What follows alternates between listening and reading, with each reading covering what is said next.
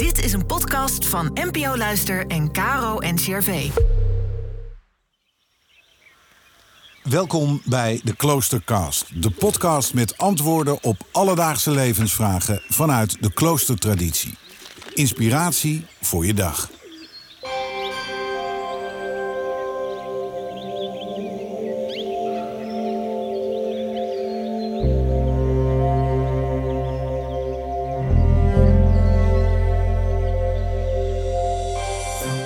Zuster Julian Trappestin in de abdij Koningsoord vertelt waarom zij trouw zijn zo boeiend vindt.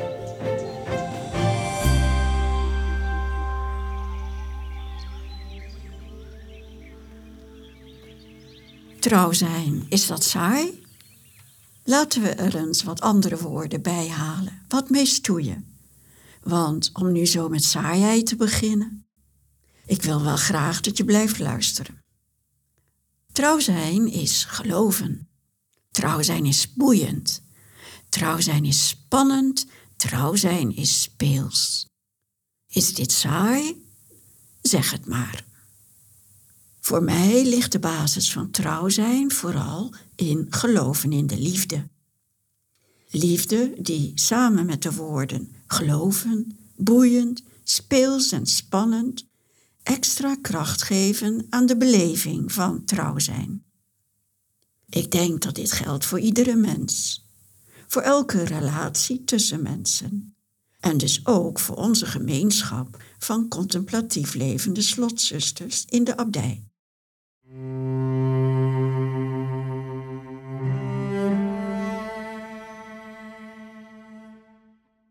Ben je bereid in liefde trouw te blijven aan je abdijgemeenschap in goede en in kwade dagen? vroeg mij onze abdis bij mijn plechtige professie. Ja, zei ik. Daar had ik goed over nagedacht. Het was de eerste keer dat ik in het openbaar beloften ging uitspreken. En ik had de abdijgemeenschap, mijn medezusters Trappestinnen, in de vormingsjaren redelijk goed leren kennen, met alle wel en wee. Nee, dat dat saai zou zijn, kwam niet bij me op. Eerder het tegendeel. Als je je eigen sterke en zwakke punten kent, je hebbelijk en onhebbelijkheden en hoe die zich verhouden tot die van je medezusters, dan is er iedere dag wel een verrassing te beleven hoe klein en stilletjes die ook mogen zijn. Positief, dat is vreugde. Of negatief, dat is werk aan de winkel.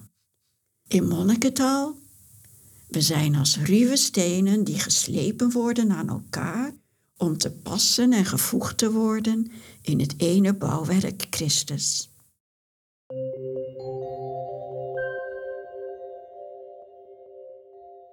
In ons christelijk geloof is trouw een van de gaven van de geest van God aan de mens. En zoals met alles wat van de geest komt, is de mens vrij om zich deze gave eigen te maken. Trouw ben je of je bent het niet. Het is een deugd die je bezit of afwijst. Of je nu in God gelooft of niet. Als je hierin met me meegaat, dan kunnen we ook zeggen: trouw is, punt. Dan ben je trouw aan jezelf, aan iemand, aan iets, aan roeping, overtuiging, bepaalde keuzes, aan je verantwoordelijkheden enzovoort. Hiermee wil ik niet zeggen dat ik nooit twijfels heb over trouw zijn. Integendeel, jij en ik we zouden misschien wel veel ervaringen over de voor- en tegens van trouw zijn kunnen delen. Het is maar al te menselijk. Vroeger dacht ik dat de twijfels wel minder zouden worden met het ouder worden. Maar ik weet inmiddels dat het bij mij niet zo werkt. En daarom zeg ik nu liever: trouw zijn is leven op het scherp van de snede.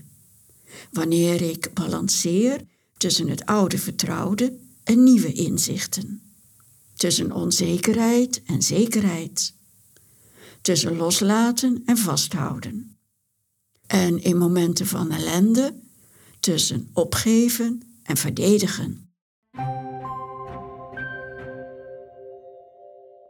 Een vers uit Psalm 143 is mijn lijflied geworden. Wijs gij mij de weg die ik gaan moet. Mijn leven geef ik in uw hand. Ook al weet ik soms niet wie ik met dat woord gij aanspreek. Moeten we het nog over saai hebben? De vraag stellen is genoeg. Maak een buiging en ga heen. Dit zei de Chinese zenmeester Zhao Tzu over trouw aan de wijsheid. Wie een vraag juist formuleert, die weet het antwoord al.